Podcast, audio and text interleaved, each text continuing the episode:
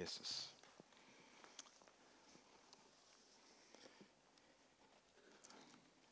Jeg ble litt i tvil nå. Eh, det er noe godt at vi, vi, kan kjenne at vi står innenfor Herrens nærhet. Og noen ganger har vi veldig, vi har veldig dårlig tid. Og noen ganger er vi veldig opptatt av, eh, av klokka eller, eller, andre ting. Og noen ganger er vi, er vi, Så vi går glipp av muligheten når Herren han, eh, han taler til våre hjerter. Og hvor godt det er å stå innenfor Hans herlighet. Eh, for skjønner, Herren han ønsker Jesus han gjorde det med sine disipler. Han ledet dem hele tida inn i en posisjon der Jesus var større enn livet, enn omstendigheter. Jesus var større enn noen annen person en kunne komme på i menneskets historie. Der det skulle komme til den erkjennelsen at Jesus er Gud. For at det er i den posisjonen når du ser Jesus som han er, og så ser du deg selv hvordan vi er. Det er i den, er i den avstanden som er, er, så stor, at du da plutselig får lov til å se Guds nåde og Guds kjærlighet. At han kom til oss, og at han kommer til oss, og at han kommer til deg. For hver eneste en som er her i formiddag. At Herren han, han når fram. Han, han ønsker å, å, tale inn i våre hjerter og inn i våre liv. Fordi han elsker deg. Så Herren han ønsker ikke å være en, en fjern person som vi tilber innimellom på en søndag eller et eller annet tidspunkt når ting er greit eller veldig dårlig i livet. et eller annet. Men han ønsker å være livet for oss. Og til det så leder han oss. Han, han disippel gjør oss ved at vi lærer å være et, et liv i, i, avhengighet av Han, og ikke av våre ting, av våre tanker, hvordan vi ønsker og vi vil, men hvordan, eller hvem Han er, og hva Han vil og Han ønsker for våre liv. Talte her forrige søndag om, eh, om det å Guds frykt og Guds ære. Og ærefrykt. Da tok jeg utgangspunkt ut ifra fra at Jesus ledet disiplene inn i en storm, og så i stormen så selvfølgelig så ser de plutselig Jesus sin herlighet i den forstand at, eh, at plutselig så ser de Jesus som han er. Eh, I den forstand at han er mye mer enn en bare en profet eller en, en, mektig mann. Der han på en måte har makt over elementene og alt det som er. Eh, jeg tenkte jeg skulle fortsette den, på den banen her i dag. Eh, men ikke, ikke nå at Jesus leder oss inn i en storm, men at Jesus leder oss inn på en topptur. Jeg vet at Noen av dere liker toppturer. Noen er veldig opptatt av toppturer. Flere ganger i uka. Og jeg vet at Sidjo er et sted for topptur for mange her. Ja, Iallfall for noen. Eh, eh, men, men, da Jesus eh, leder disiplene inn i, i en posisjon der Jesus blir så altoppslukende og stort for dem. Det står i, i Matteus evangeliet kapittel 17. Vi var, jeg var hjemme hos noen i går kveld sammen med noen andre her. og Så kommer vi dette og snakke med at i dag er det fastelavnssøndag. Så jeg regner med at dere alle husker det. selvfølgelig. Spesielt dere litt yngre. Ja. Eh, og så er jo det at eh, Fastelavn har jo kanskje en mer, en mer luthersk kanskje bakgrunn. Eh, I Brasil så kaller man for karneval, da. eh, karneval, ordet car, carni, som, som, er latinsk ord for kjød, og val, som da går inn i forhold til dette med, med, med å legge kjødet under eller frigjøre. Fordi det er eh, onsdagen ut ifra katolsk tradisjon. Og ikke bare nok med det, men egentlig helt ifra De regner med fra år altså 300 så eh, hadde da de kristne, de troende kristne at de hadde 40 dager faste før påska. Så det er jo da onsdagen som er av den skjær... Ikke mener askeonsdag. Som da på en måte man da skal begynne da fasten. Og det er jo liksom ikke en faste fra all mat. Det skulle være faste fra vin. Det er kanskje ikke så vanskelig her. Og så faste fra kjøtt. Det er kanskje ikke så veldig vanskelig her heller, siden mange spiser fisk. Sånn. Men, men, det var spesielt det å være, være faste ifra fra store måltider. Man skulle spise brød, drikke vann og på en måte leve et enkelt liv i 40 dager i bønn. Eh, dette her var for hele mange mange, mange menigheter kristne på, i det tredje århundret, annet. Så har det blitt en katolsk tradisjon i det. Så hadde man da det, dette her med, med fastelavn eller karneval på søndag, hvor man da skulle spise masse, ha stor fest i dag. Eh, mandagen ble da blåmandagen, som bokstavelig talt er der man har blåmandag fra. At det ble liksom en, en dagen derpå. Og så var det da fete tirsdag, og så var det da onsdagen som da begynte fasten. Eh, så det er klart at i, i en kristenhet som, som, vi, som, som, vi, står i, både her i Norge og hele verden, så er det jo mange som på en måte begynner å sette fokus på påska. Eh, og den er ikke så langt unna. Eh, og det er ikke det at Jesus leder dem inn til en karneval. Akkurat her nå, disiplene som vi skal lese. Men han leder dem inn i en topptur. En, en tur som, som, som, som, har en hensikt. Selvfølgelig for Jesus sin åpenbarelse, men spesielt for disiplene og vi som kommer etter. Det står her i Matteus kapittel 17, og så jeg leser fra med, fra med vers 1 til og med vers 8. Så sier, sannelig jeg sier dere, noen står her Eller nei, beklager, det var verset før det.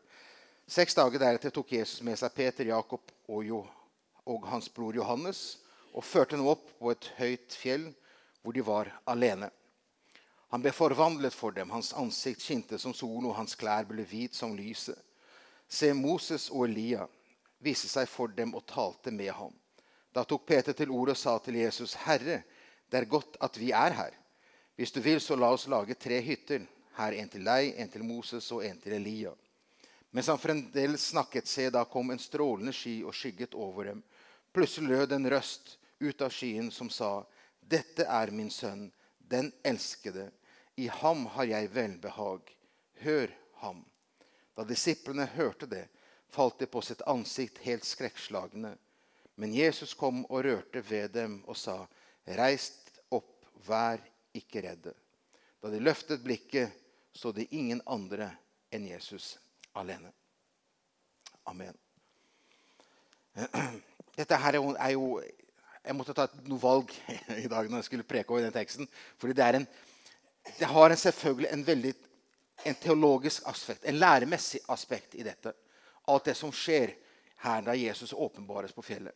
Og jeg skal ikke ta alt det, selvfølgelig. Jeg kommer inn på noe av det, men, men jeg skal prøve å anvende eh, noe av dette her inn i våre liv for at vi skal forstå hvordan dette også, hvor viktigheten av dette var for Peter, Johannes, eh, som, som sto der sammen med, med, disiplene, og selvfølgelig Jakob.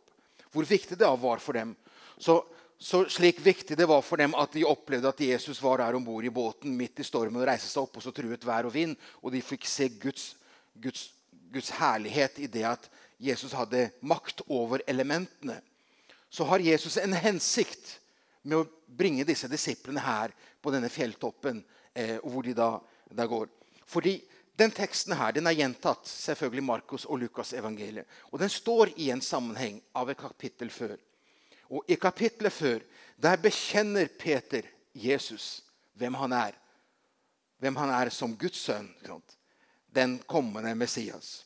Og i det samme sammenhengen så er det her Jesus åpenbarer og sier at han kommer til å dø. Han kom til å overlate hedningene, og han kom til å dø. Og det er her disiplene, og selvfølgelig Peter, som stadig vekk prater ikke sant? Han er den som alltid har noe å si, selv om ikke han har noe å si. ikke sant? Så er det han kommer inn, og så begynner han å si Herre, det må aldri skje deg dette. ikke sant? Og Jesus fortsetter da denne talen videre og sier at ja, det å følge han handler om å ta opp sitt kors, fornekte sitt eget liv og følge han. Og så går det da seks dager. ikke sant? Veit ikke hva som skjedde mellom de seks dagene. Men jeg regner med at mellom de seks dagene så murra det i hodet på dem og tenkte at Åh, hva er det Jesus mener med at han skal dø? ikke sant? Er det billedlig tale? ikke sant? Hva er det Jesus ønsker? Det må jo ikke skje. Vi må liksom, her må vi kjempe for Jesus. Eller, eller hva skal man tenke om dette med at vi skal ta opp, opp et kors? Fordi Selvfølgelig For dem så visste de hva et kors var. Det var jo et torturredskap. Et, et, et, redskap som romerne hadde for å drepe mennesker. Det var jo ikke et håp i kors, sånn som det er for oss. Ja? Så de, de, skjønte jo hva korset innebar når Jesus sier det. Så, så det, er klart, det må jo ha vært et, et veldig forvirrende øyeblikk i livene deres. Fordi de hadde forlatt alt. De hadde fulgt Jesus nå. Dette her, folk regner med at dette er oktober måned. Seks, eller seks til ni måneder før, før, før påsken. Så De har allerede vandret flere år med Jesus, og da begynner Jesus å tale om sin død. Så Det er klart, det må ha vært et vanskelig øyeblikk for disiplene. Jo, det er liksom At Jesus begynner å snakke sånn om seg selv. For de hadde en annen forventning av hvordan Messias og hvordan Messias skulle utøve sin, sitt herredømme.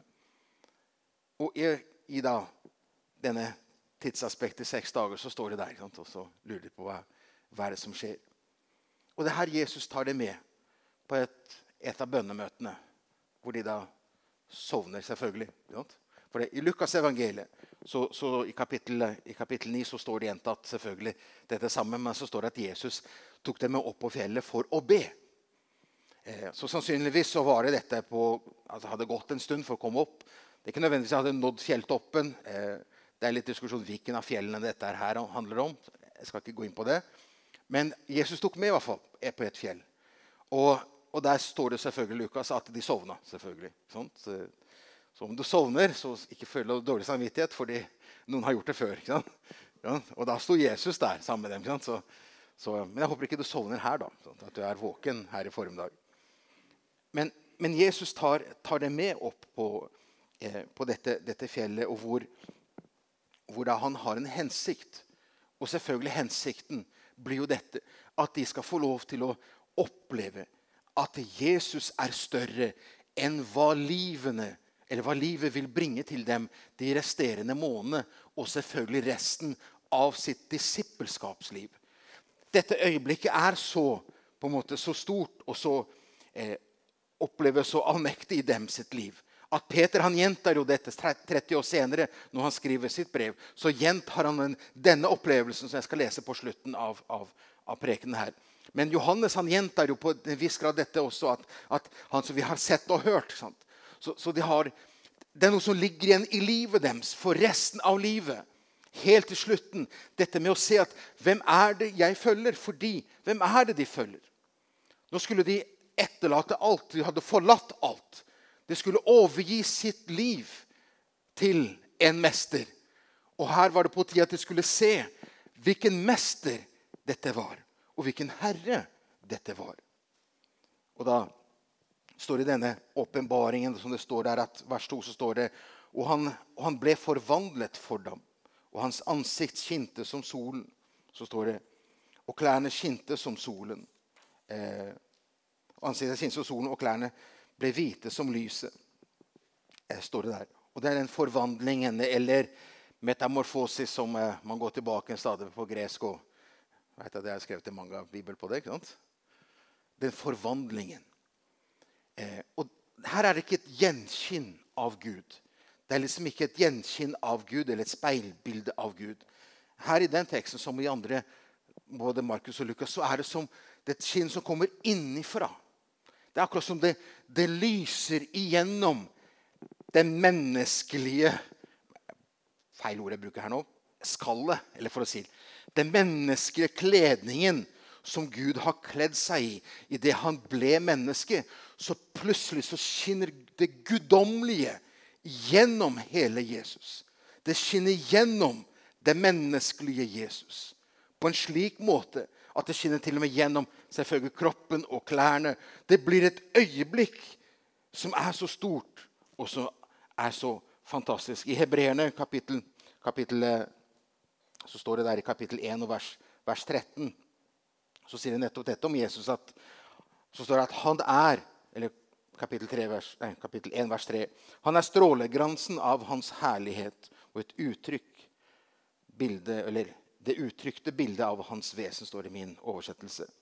Han er en stråleglans av hans herlighet. Og det er det du ser. Jesus åpenbarer på en måte det, det guddommelige i, i alt dette her i Lukas så, Når du leser Lukas, så forstår du mer at egentlig så, så gikk kanskje Lukas, mener, Peter og Johannes og Jakob litt glipp av noe øyeblikk fordi de sov. Og så våkna de til dette her. ikke sant? De våkna i dette her eh, når de var på dette, i dette bønnemøtet. Og når de da ser det, så ser de hans herlighet. Eh, der ser du Jesus sin forvandling. Plutselig ser du hans guddom. Og dette ordet er brukt veldig sjeldent i Nytestamentet. Og de to andre gangene det er brukt i Nytestamentet, så er det brukt om deg og meg. Det er brukt om Jesus, som stråler av Guds herlighet. Og så er det også brukt om deg og meg. I Romerbrevet 12 og vers 2 så står det sånn Romerbrevet 12,2.: Bli ikke dannet lik denne verden, men bli forvandlet ved fornyelsen av deres sinn, så dere kan prøve hva som er Guds gode, velbehagelige og fullkommen vilje. Det blir forvandlet. Det som Gud gjør i våre liv, hans, hans herlighet, får lov til å stråle igjennom oss. Og Den andre teksten som det så står i, er i 2. Korinterbrev kapittel 3 vers 18. Så står det slik Men alle vi som med utildekket ansikt ser Herrens herlighet som i et speil, blir forvandlet til det samme bildet fra herlighet til herlighet, som er av Herrens ånd. Det er det Gud gjør. Det er det Herren gjør og ønsker å gjøre i våre liv. Det er den Hans herlighet skal stråle igjennom oss. At mennesker skal få lov til å se Kristus. At han er verdens lys. Og så blir vi og en del av det å være lys i denne verden som et, et gjenkinn en stråle av Hans herlighet ved Den hellige ånd som er i oss. Så idet Jesus står der og åpenbarer seg på, på denne måten eh, for disiplene, så er det da denne, denne, samtalen Jeg skal gå litt fortere i teksten, så ikke det tar for lang tid. Men plutselig så står der Moses og Elias viste seg for dem og talte med ham. Så var det, var det de talte med Jesus om, da. Og heldigvis så skriver Lukas noe om det. ikke sant? Så Lukas, når han skriver om det, så jeg, skriver han at, at, han talte, eller de snakket med ham om hans utgang. Om det som ville skje. Eh, og Det interessante er at både, verket, både Moses eh, og, og, Elias sin, sin, tjeneste og sitt liv er jo helt meningsløst hvis ikke Jesus oppfyller det han har kommet for å komme. Så alt det som skjer i Gamle Testamentet, peker jo på Messias. Så når de står og prater da med Jesus og samtaler med Jesus om hans utgang, utgang, så handler det selvfølgelig ikke bare om frelse for alle mennesker, men det handler om frelse også for Moses og Elias. Av det de skulle få i Kristus. Av det Jesus skulle gjøre på korset for dem. Og For ikke å gjøre så veldig stor sak ut av det, liksom, men hvordan visste man at det var Moses og Elias? Sant? Og ikke var de andre to naboene som var på besøk. Eller, eller Plutselig var det en av de andre profetene. Altså, for det sto ikke noe navnlapp på dem. regner jeg med. Og ikke hadde man bilder av dem heller. Litt, I dag har du Facebook, så du kan liksom sjekke hvem var det liksom, som jeg så på møtet i dag. Eller et eller annet sånt. Ja. hvordan vet man det?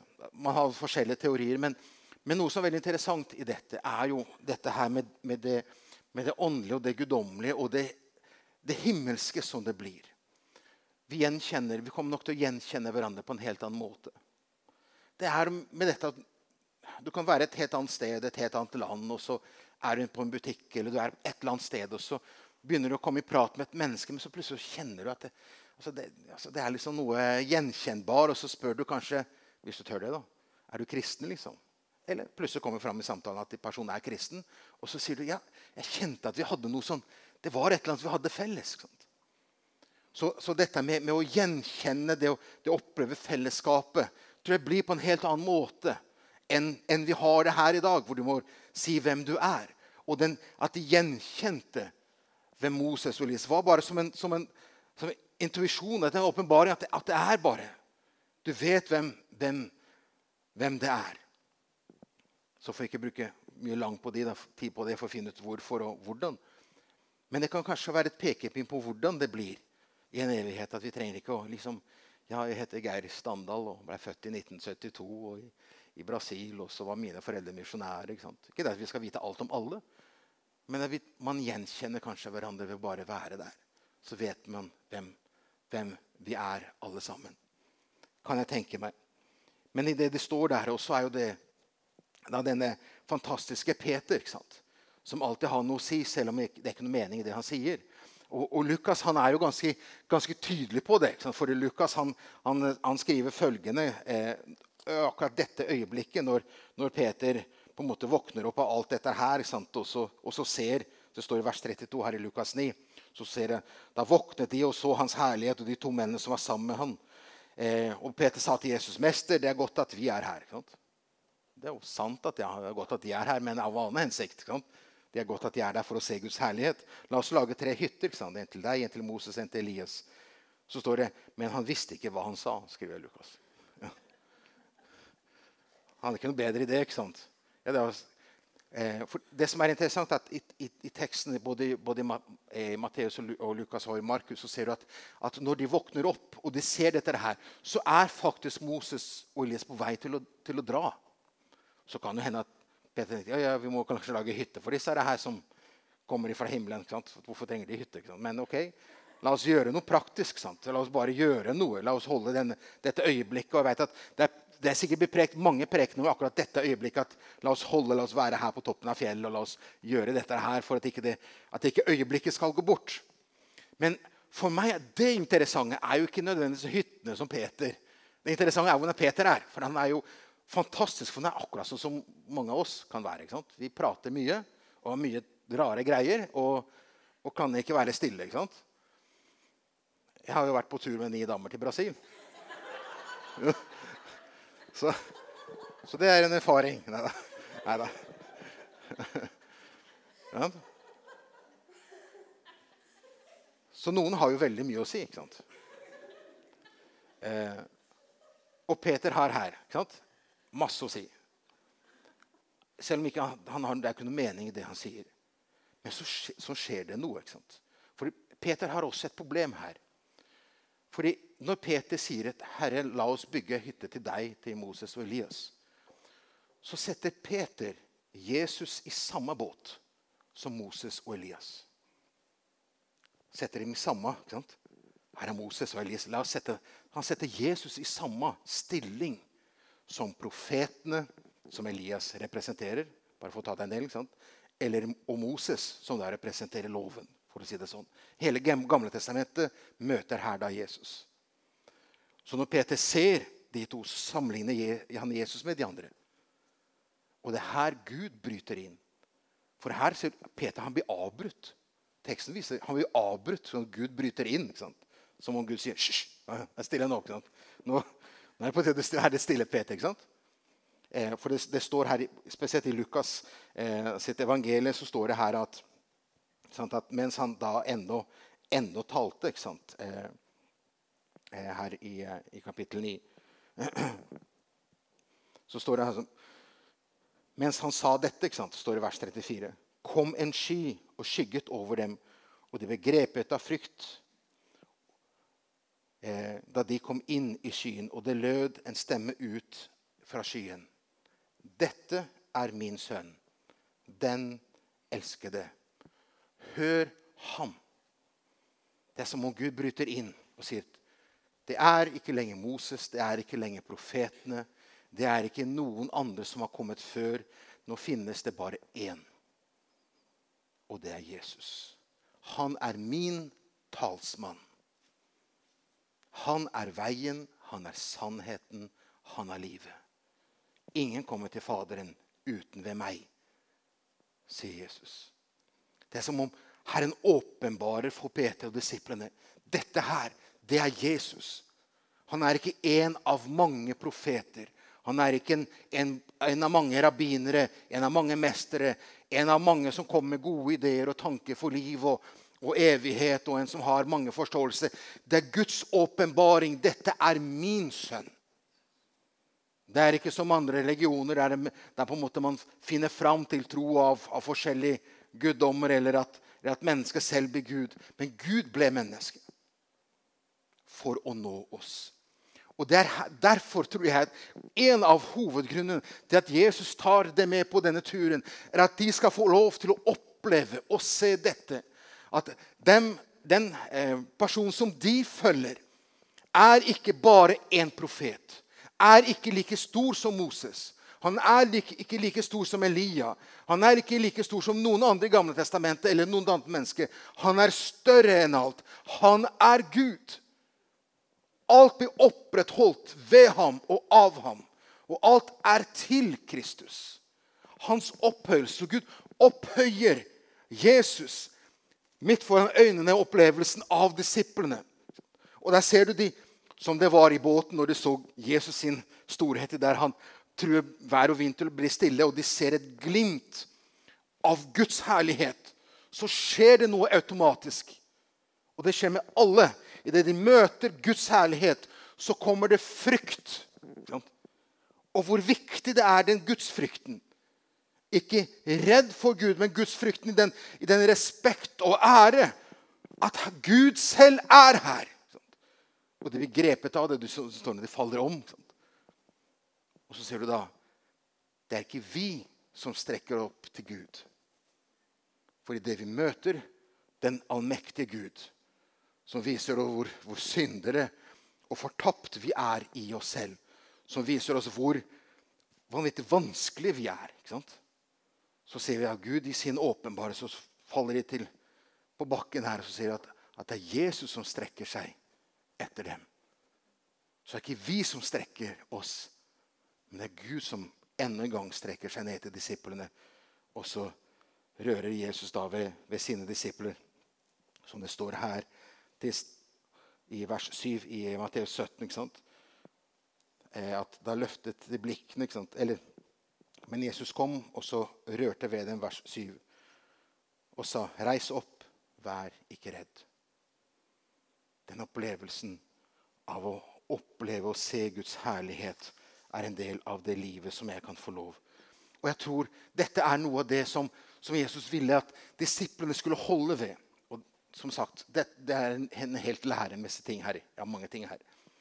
Men jeg vil ta dette, bare dette aspektet av dette å være en disippel.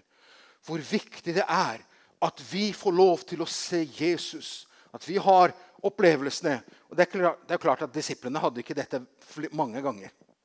De hadde en, en, slik opplevelse selvfølgelig her. Men de har en, en slik opplevelse selvfølgelig der Jesus møter dem som den oppstandende Kristus. Det var ikke mange toppturer på den måten. Men de opplevelsene der skulle være for å være trosstyrkende for dem sitt liv. At uansett hva som skjer i livet, så er de med i seierstoget. De er med på seierslaget. At Herren han er den som har seiret over alt det onde at når vi tilhører Han, så behøver vi ikke å frykte for omstendigheter i livet om ikke man forstår hvorfor. ikke sant? Hvorfor ting er som de er. Om ikke man begriper hvorfor skal livet være så vanskelig, eller hvorfor skal Jesus dø, så skal man holdes fast ved at det er han jeg tilhører. Og det er når da Peter er på sin avslutning av sitt liv, 30 år senere, og skal på en måte gjøres klar til sin korsfestelse, som Sannsynligvis var måten han ble drept på av romerne i Rom. Når han da er i avslutning av sitt liv, hva er det han holder opp? Det er akkurat denne opplevelsen av hva han hadde om Jesus. Det står der i, i uh, eh, 2. Peters brev, kapittel 1, og vers 16 til og med vers, vers 18. Så skal jeg prøve å avrunde her pga. tida. For det var ikke med smart eh, oppdiktede myter vi fulgte da vi kunngjorde dere vår Herre Jesu Kristi makt og gjenkomst. Men vi var øyevitner til Hans Majestet. Vers 17. For han fikk ære og herlighet fra Gud Fader da en stemme som kom til ham fra det høye, fra den høyde, eh, opphøyde herlighet. Dette er min sønn, den elskede. I ham har jeg velbehag. Da vi hørte selv, eller vi hørte selv denne røsten som kom fra himmelen da vi var sammen med ham på det hellige fjell. Dette er helt på avslutningen av livet. Så igjen forteller han. Vi hørte det. Vi så det. Vi holder oss fast ved det vi har opplevd og sett. Og det er dette vi har kunngjort dere. Det er dette vi forteller dere. At dere skal ikke frykte, dere skal ikke være redd. Livet skal dreie seg om noe så mye mer enn bare, bare, det som er her. Men vi skal få lov til å si at vi følger en Herre som er blitt herliggjort. En som er Gud, som døde for oss, og som kaller deg ved navn. Det, alt dette her er jo en disippel på en måte oppdrag som Gud har. Eller disippel gjør en oppdrag som Jesus gjør med sine disipler. Han er sammen med dem, viser dem, for de skal følge ham. For at han skal være livet. Så Jesus han ønsker å lede deg inn på sånne opplevelser der du ser hans herlighet. Han ønsker at du skal se hans herlighet midt i din storm og midt på toppturer. Han ønsker at du skal se hans herlighet midt i vandringen av livet. For at du skal holde fast ved det han er. Ikke hva du er, hva du kan og hva du gjør, men hva han er, og hva han har gjort. Eh, jeg hørte en historie for, for en stund siden. Jeg skal prøve å gjenfortelle det. Eh, men, men, det handler om en eh, jeg bruker ordet vaktmester i en, en stor katedral. Jeg tror det var i, i, i England. og da, Dette her var 150 år siden. Og Det var lørdag, og det var lørdag ettermiddag til kveld. og Der var vaktmesteren gjorde i stand både koret og det store orgelet som denne, dette katedralet hadde. Et stort pipeorgel. Når han står der og holder på å rydde og gjør ting klart til gudstjenesten neste dag, så hører han noen som går opp trappa opp, til, opp i andre etasjen der. og Så trodde han alt var stengt, men så kommer han inn, så ser han da en, en mann som kommer inn i, i, reiseklær. Og Denne mannen forteller at vi har reist veldig langt. Og Jeg kom hit for å, for å kunne se på dette orgelet. Kunne du på en måte åpne så jeg kunne få sett det? Og Vaktmesteren blir sånn Ja, egentlig så er ikke det for folk generelt, for jeg skal gjøre dette klart, men så gjør han det likevel. Viser han, viser han noe av orgelet, og han ser der, og så sier han da denne fremmede om han kunne få lov til å sitte på krakken da, til dette orgelet. Ja, jeg syns ikke det var så veldig greit, fordi hvis noen kom og, hvis, og, så dette her, så kunne det gå utover han. i dette her, Men så maser fortsatt denne reisende på at ja, han har kommet langt for dette her. Så får han lov til slutt å sette seg foran dette orgelet. og og se på dette. og så, Ikke helt uventa så spør da denne fremmede kunne jeg få lov til å spille bare et par noter. Bare toner eh, på orgelet. Og da ble det nei, selvfølgelig ikke, for det er bare organisten som, som får lov til å spille på dette instrumentet. Og, og sånn gikk det. Men så forklarer han det. Jeg har reist veldig langt eh, for å kunne spille på dette, for å se på dette. Er det ikke mulighet? Jeg skal ikke ødelegge noe. Jeg skal, ikke, jeg skal bare eh, spille noen toner. Så gir denne vaktmesteren seg i dette her, og så, og så blir han da mannen fremmede veldig glad. Så begynner han å, å spille. Og idet han spiller, så opplever da denne vaktmesteren som om, som en, om himmelen åpner seg der i katedralen. Han kjenner hvor fantastisk fantastisk sang og musikk. Altså, eller musikk som kom ut av dette. Og, Det ble veldig kort, for han spilte jo ikke hele stykket sitt. Men han stoppa jo dette her, og så folda han hendene, og så reiste han seg, og så begynte han å gå. og han Vaktmesteren ble helt, helt av seg. Ja, dette her var jo, I alle årene jeg har jobbet her, så er dette det mest fantastiske jeg har hørt.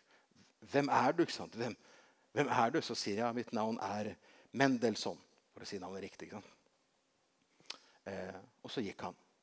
Og Mendelssohn var, og er kanskje, var en av de største organistene eh, og som har skrevet noen av de største musikkstykkene i datiden, og som vi bruker fortsatt i dag, som, eh, som bryllupsmarsjen. Den bruker vi i dag.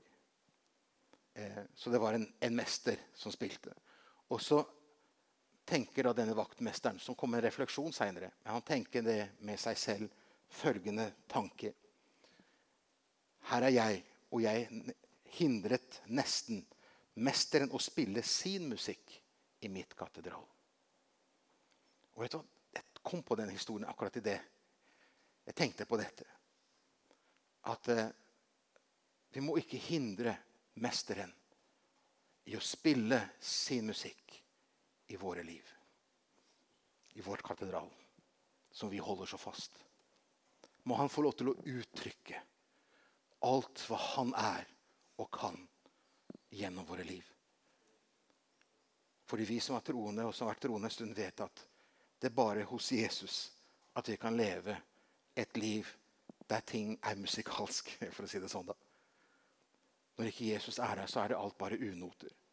Det blir bare surt. Men når Jesus får lov til å være den som på en måte fyller våre liv, så er det da vi kan få lov til å se og oppleve hvordan livet blir et uttrykk av Jesus. Må Jesus få lov til å være mesteren som får lov til å gi uttrykk for sin musikk i ditt liv. Må han få lov til å skinne gjennom deg. Og til det så må du gi ham tilgang. Tilgang i dine tanker i ditt liv og si Jesus, Herre, det har blitt så mye meg, Herre. Det er så mine greier, Herre. Men Herre, jeg ser at du er den du er. Jeg forstår ikke alt, Herre, din allmakt og hvem du er. Men Herre, jeg inviterer deg inn i mitt liv. Til at du kan få lov til å spille din musikk. For hvor trist ville det ha vært om vi på avslutning av våre liv ville da begynne å reflektere og si at ja, ja, det var ikke mye plass Jesus fikk til å spille i mitt liv. Det var mye meg og lite Jesus.